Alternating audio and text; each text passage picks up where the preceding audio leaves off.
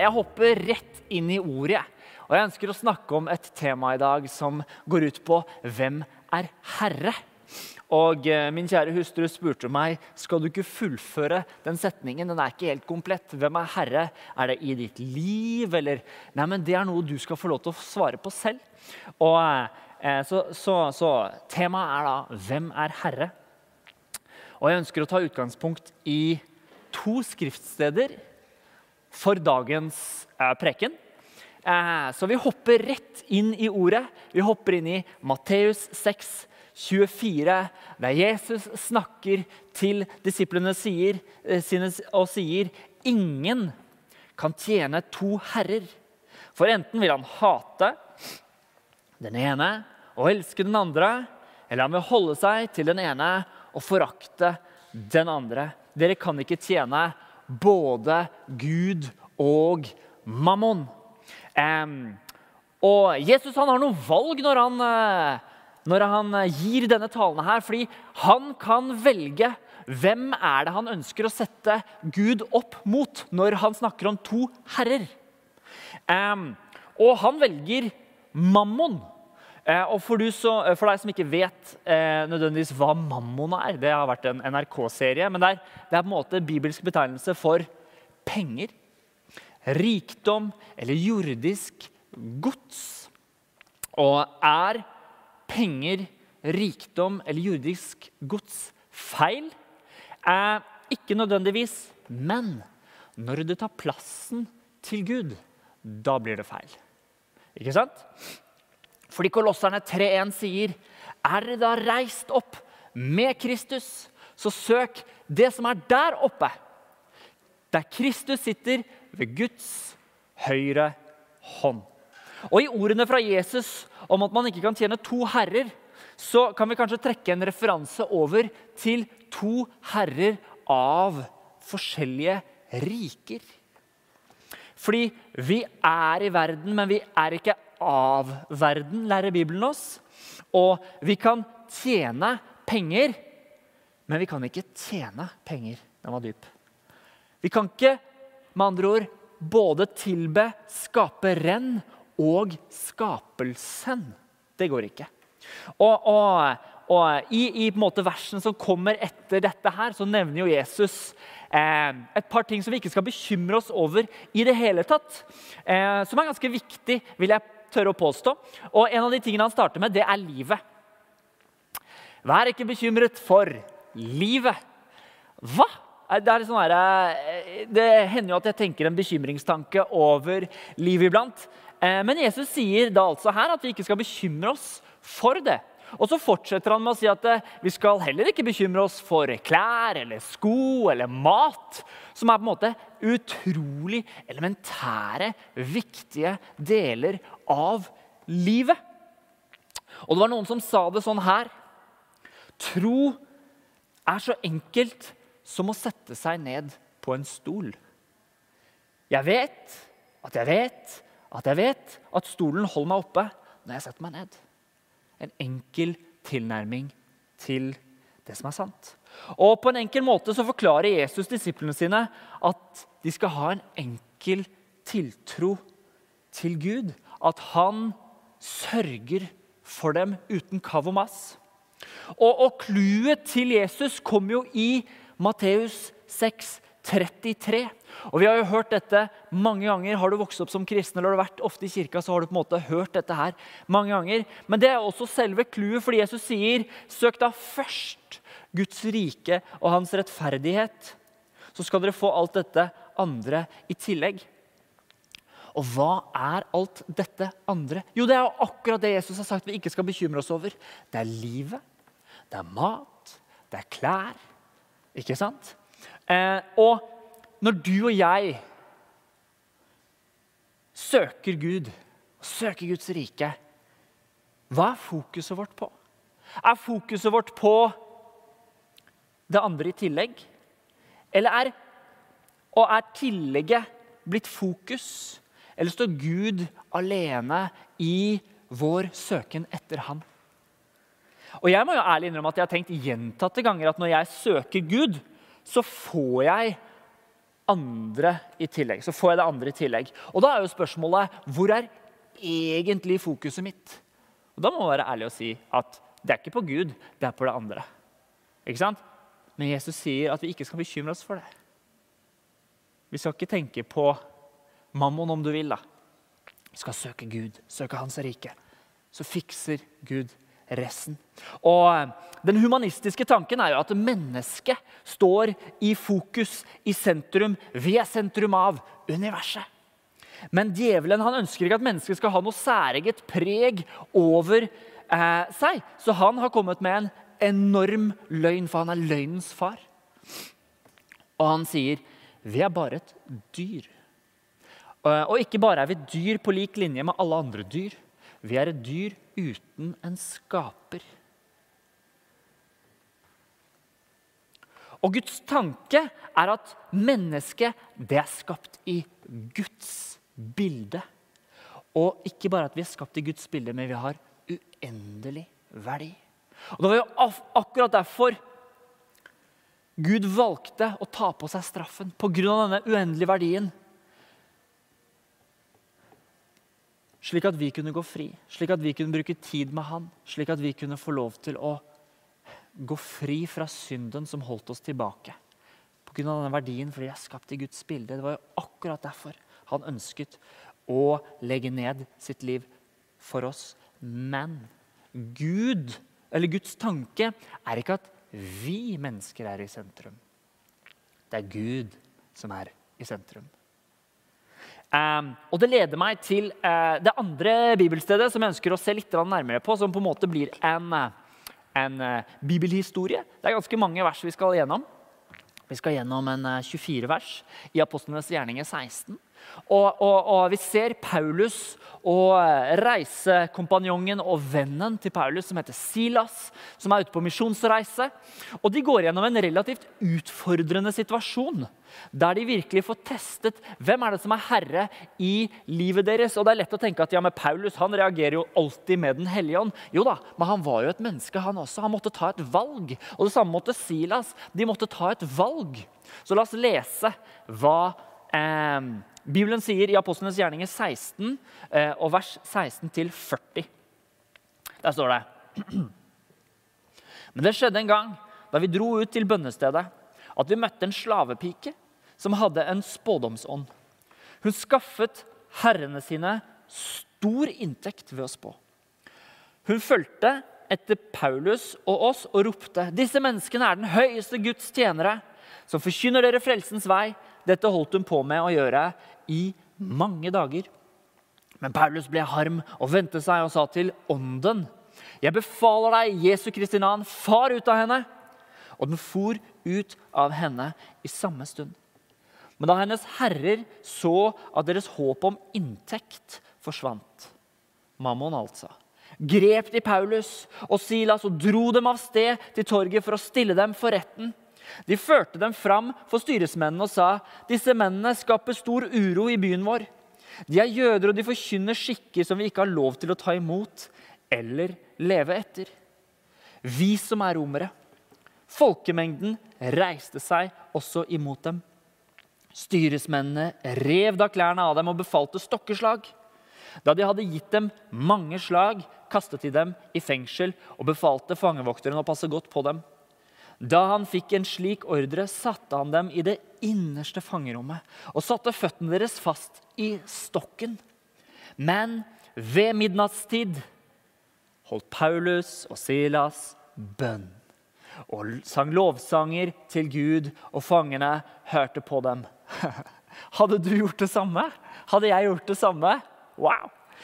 Da kom det med ett et sterkt jordskjelv, så fengselets grunnvoller ristet, og Straks sprang ikke bare én, men alle dørene opp, og lenkene falt. Ikke bare av Paulus og Silas sine hender, men alle fangenes lenker falt av. Fangevokteren for da opp av søvne. Da han så at dørene til fengselet sto åpne, trakk han sverd og ville ta sitt liv, for han trodde at fangene var rømt. Men Paulus ropte med høy røst og sa, 'Gjør ikke deg selv noe ondt, for vi er her alle.' Han ba da om lys, løp inn og falt skjelvende ned foran Paulus og Silas. Så førte han dem ut og spurte, 'Herrer, hva skal jeg gjøre for å bli frelst?' De sa da, 'Tro på Herren Jesus, så skal du bli frelst, du og ditt hus.'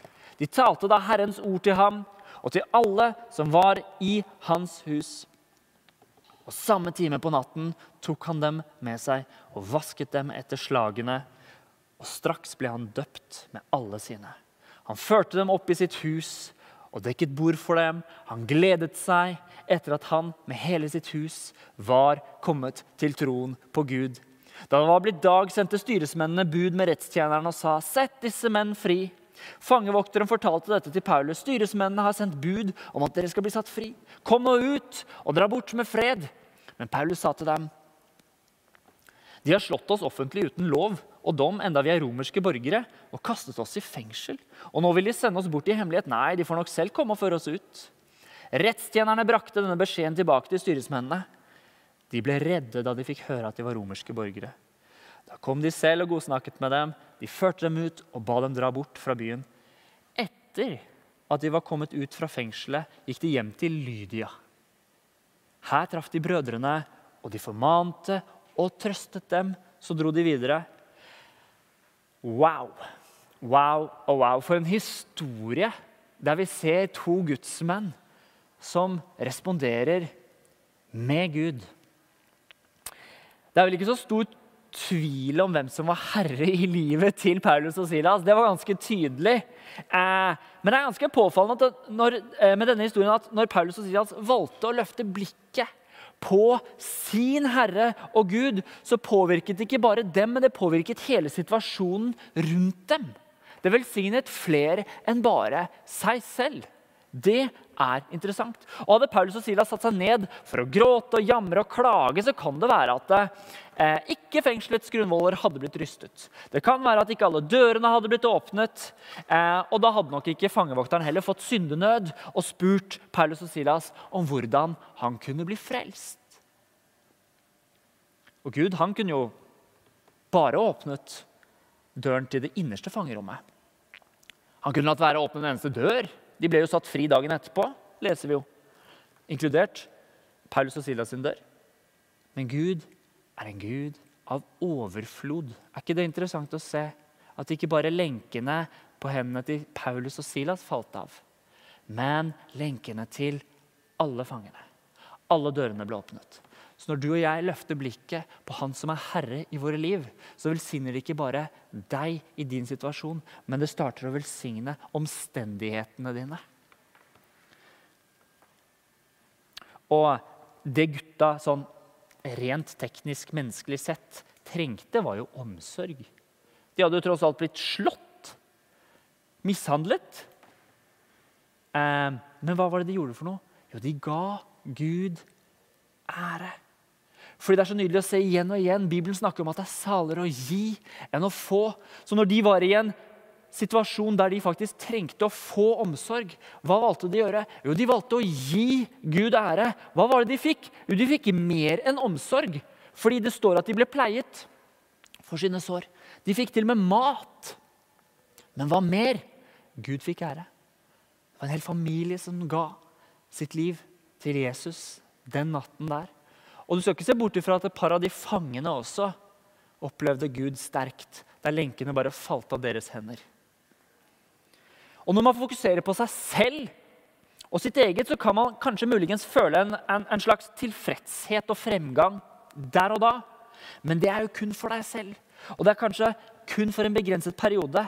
Men når man løfter opp snuta, opp fra situasjonen og gir Gud ære, og legger alt i Guds sine hender, så ender man opp ikke bare med å tilfredsstille seg selv og gi fremgang, men også de rundt seg. Man opplever en sånn nåde, en sånn styrke, en sånn kraft. At man kan få til å reise seg opp. Fordi den Gud vi tjener, det er en Gud av overflod. Det er Han som er herre i våre liv. Og Man kan jo bli litt sånn mismodig når man leser en sånn eh, historie. Jeg vet ikke åssen det er med deg. Eh, men istedenfor at du og jeg blir mismodige når vi leser en sånn herlig troshistorie som står i apostlenes gjerninger med hensikt, så kan vi la slike historier tjene til ærefrykt og til en større lengsel etter overgivelsen på alle områder i livene våre. For hvem er herre? Og så kan du fullføre den setningen der. Hvem er herre på jobb? Hva, hva, hva ville du gjort i en sånn situasjon? Og vi vet jo ikke. Vi aner jo ikke hva vi ville gjort eller sagt i en lignende situasjon.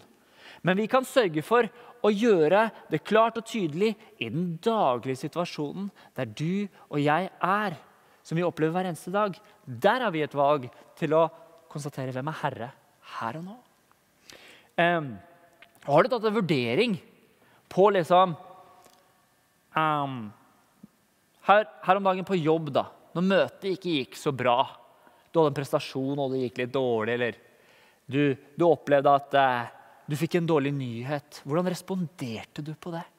Responderte du med bønn og lovsang? Som bare snudde situasjonen? Eller var det første du sa 'halleluja' når du krasja bilen her om dagen eller fikk en bot? eller hva? Altså, Det er et liten sånn temperaturmåler på hvem som er herre der og da, hva som kommer ut i en presset situasjon. Eh, og jeg tenker jo at det er veldig godt å kunne ta en Paulus iblant. Jeg liker å kunne ta en Paulus. Noen ganger så tar jeg en Jesus, noen ganger så tar jeg en Paulus. Og Hva mener jeg med det? Jo, Her om dagen så, så kjørte jeg bil med Oddleiv. Et par uker siden han skulle preke her. Og, så, og så, så, sa jeg til Oddleiv nå tar jeg en Jesus. Så sa jeg til han i dag skal jeg gjeste ditt hus. For det sa jo Jesus til Sakkeus. Sakkeus, i dag skal jeg gjeste ditt hus. Så da sa jeg til han, i dag skal vi gjeste ditt hus. Så det fikk vi lov til. Da kom vi dit og fikk deilig mat. Vi inviterte oss selv. Tok inn Jesus. Og, og, og det å ta en Paulus, da, det, det, det handler om at Paulus sier, 'Jeg glemmer det som ligger bak', og strekker meg ut etter det som ligger framfor meg. Det er så godt iblant å bare liksom stoppe helt opp og si nå tar jeg en Paulus. Nå tar Jeg altså jeg vet det er Guds ord, da, men jeg tuller litt her nå. Men, men, jeg tar en Paulus og sier jeg bare vet du hva, nå stopper jeg. Nå glemmer jeg det som ligger bak, og så strekker jeg meg ut etter det som ligger framfor meg.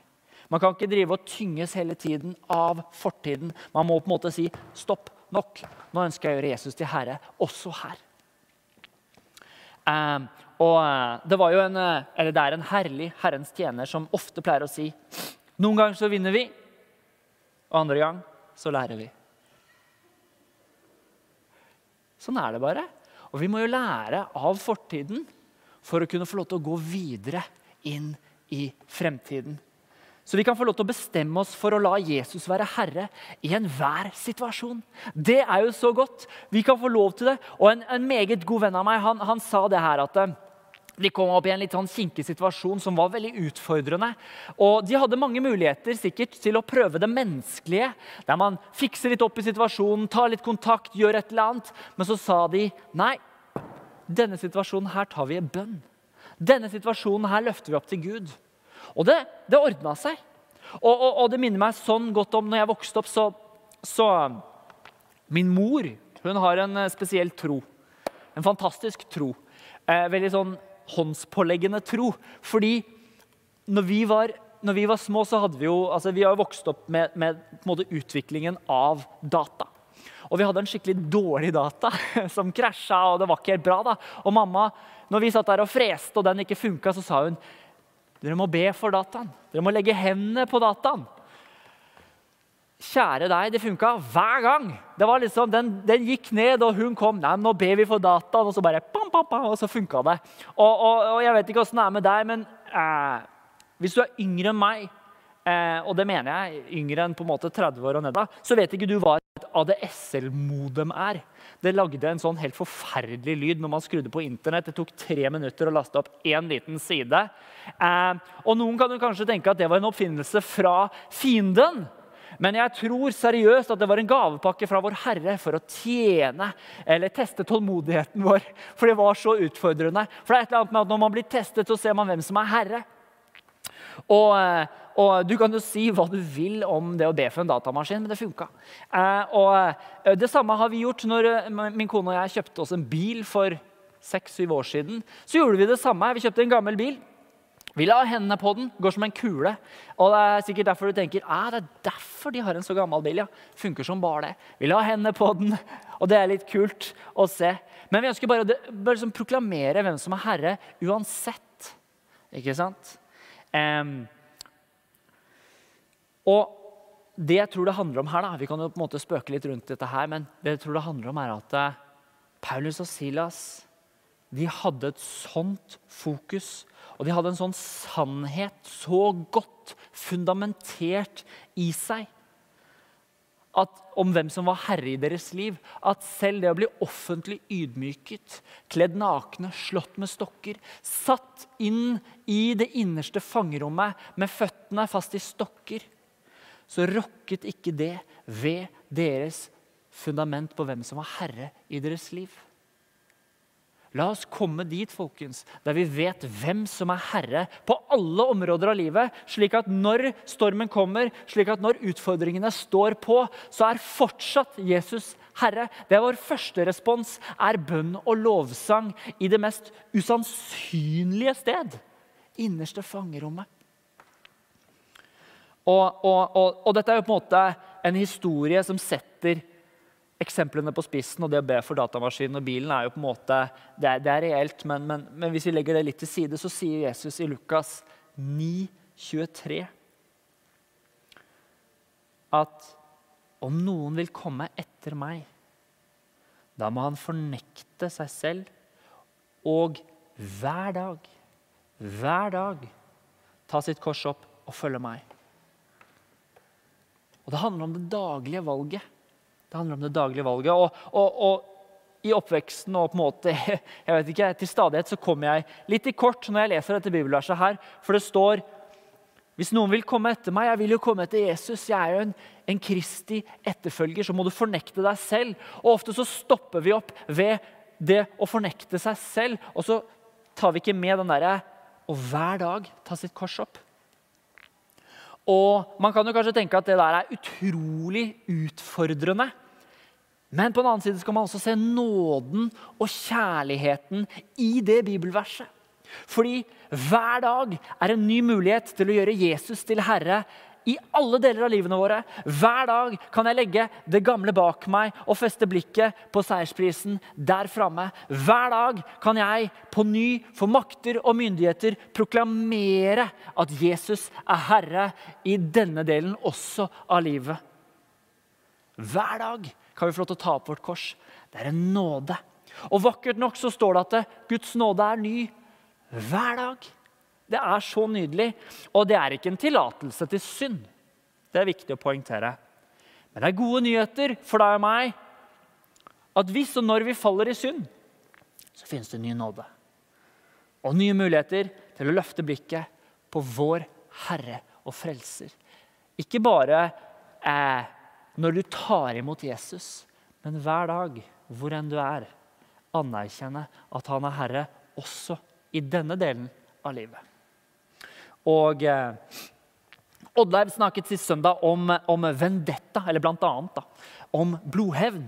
Der Jesus ga sitt blod for at vi skulle gå fri. Og, eh, og så, så, hadde han en innbydelse til å ta imot Jesus som sin herre og frelser. Jeg ønsker å inkludere deg også i dag, om ikke du har gjort det, eh, ved, sen, ved, en litt senere anledning. Eh, lovsangen kan eh, snart begynne å komme opp. Um, men jeg ønsker også å utfordre godt etablerte kristne som vet at de har gitt sine liv til Jesus Kristus. Jesus er Herre. Men jeg ønsker å utfordre deg til å ransake deg selv. Er Jesus Herre i alle deler av livet? Fordi i Apostlenes gjerninger 19 vers 18-19 så står det at mange av dem som var blitt troende De var troende. De kom og bekjente og fortalte hva de hadde drevet med. Og ikke få dem som hadde drevet med trolldomskunster, bar sammen bøkene sine og brente den opp for alles øyne. Og De regnet ut verdien av dem og fant ut at det var 50 000 sølvpenger. Folkens, Disse her var allerede troende. Men de skjønte at øy, vi har tatt imot Jesus. Den hellige ånd har kommet på innsiden. Og det Den hellige ånd gjør når han kommer på innsiden, det er at han belyser ting som ikke er bra i våre liv. Det viktigste er at vi tar imot Jesus. Og Når vi har tatt imot Jesus, så kan Den hellige ånd få lov til å belyse områder i livet der vi også ønsker og trenger å gi eh, plass. Gi plass til Han som virkelig er Herre. Gi plass til Han som virkelig er Herre. Eh, og, og, jeg tenker på en måte liksom noen, noen, gode spørsmål man kan stille seg selv i en sånn ransakelse, er er Jesus herre når du går inn på jobb om morgenen på mandag morgen? Selv om du, på, eh, selv om du er på hjemmekontor? Er Jesus herre når du er ute på ski eller eh, ute på en løpetur? Som kanskje er mer normalt nå. Er Jesus herre når du går til butikken? Er Jesus herre når du sitter supersliten etter en lang arbeidsuke og du leter etter en film å se på? Er Jesus herre når du opplevde å få en litt dårlig karakter på en eksamen du virkelig har jobbet for? Er Jesus herre når kona eller mannen kommer med en helt urettferdig og ufortjent kommentar til deg? Hva er responsen vår? Fordi hvis Jesus er herre, så vil responsen komme fra han. Og I mitt eget liv så oppdager jeg til stadighet områder hvor jeg ikke har tenkt engang på å gjøre Jesus til herre. Det er jo Den hellige ånd som belyser. I vår vandring etter å bli mer og mer lik Jesus, så trenger vi Den hellige ånds hjelp til å belyse disse områdene. At selv her så kan man gjøre Jesus til herre. Og bare du vet hvor det er. Og kanskje enda mer, bare Den hellige ånd kan vise deg hvor det er. Men du må la han slippe opp tørre å si 'Hvem er herre her?' Og så konkluderer man ok, Jesus var kanskje ikke herre her. Ja, men da må vi gjøre han til herre der, da. Og så slippe han inn. Um, og jeg vet at det er mange som sitter og ser på, som har uh, masse erfaring og på en måte gått lenge med Jesus. Men jeg ønsker å dele uh, etter min erfaring og si da, at det er de små i gåsetegn, områdene av livet som definerer og bestemmer hvem som er herre virkelig i livene våre. For når vi åpner opp på de små områdene, så vil de store styrkes. For det å stå på en søndag med løftede hender og si at Jesus er Herre, det er bra og det er flott. Det er viktig å kunne gjøre det også når det er utfordrende hjemme, alene, hvor enn du er. Eh, og for, for å avslutte med det samme bibelstedet som jeg startet med, så sier Jesus ingen kan tjene to herrer. For enten vil han hate den ene og elske den andre, eller han vil holde seg til den ene og forakte den andre. Dere kan ikke tjene både Gud og mammon. Eller vil jeg si det sånn, dere kan ikke både tjene skaperen og skapelsen. Det går ikke. Og eh, nå som jeg har utfordret godt gode kristne, så ønsker jeg å utfordre deg også. Hvis du aldri har tatt imot Jesus som herre i ditt liv, så ønsker jeg å si deg at vet du hva? han står på hjertedøren og banker. Men du må åpne opp for om han kan være herre først og fremst i ditt liv. At du kan gi ditt liv til han. For han, han har utgitt sitt liv for deg og det er et bytte. Men du er nødt til å gi alt til han for at du kan få tilbake. Og det kan du gjøre ved å få lov til å løfte blikket på han og erkjenne jeg trenger Gud. Jeg har synd i mitt liv. Jeg må omvende meg fra synden. Jeg må legge det ved Jesu eh, korsets fot. Og så ta imot hans nådesliv tilbake. Så om du er der hjemme og du trenger å på en måte liksom på ny komme tilbake eller for første gang anerkjenne Jesus og spørre om han kan komme inn i hjertet ditt, så kan du være med å be etter meg akkurat nå. Kjære Jesus. Jeg takker deg for din nåde. At du har dødd for mine synder. At du har tatt på all skyld og skam på korset. Så jeg kan gå fri. Og jeg takker deg fra i dag av at jeg er et Guds barn. At jeg kan leve i tilgivelse, fri fra synd og skam, som et Guds barn. I Jesu navn.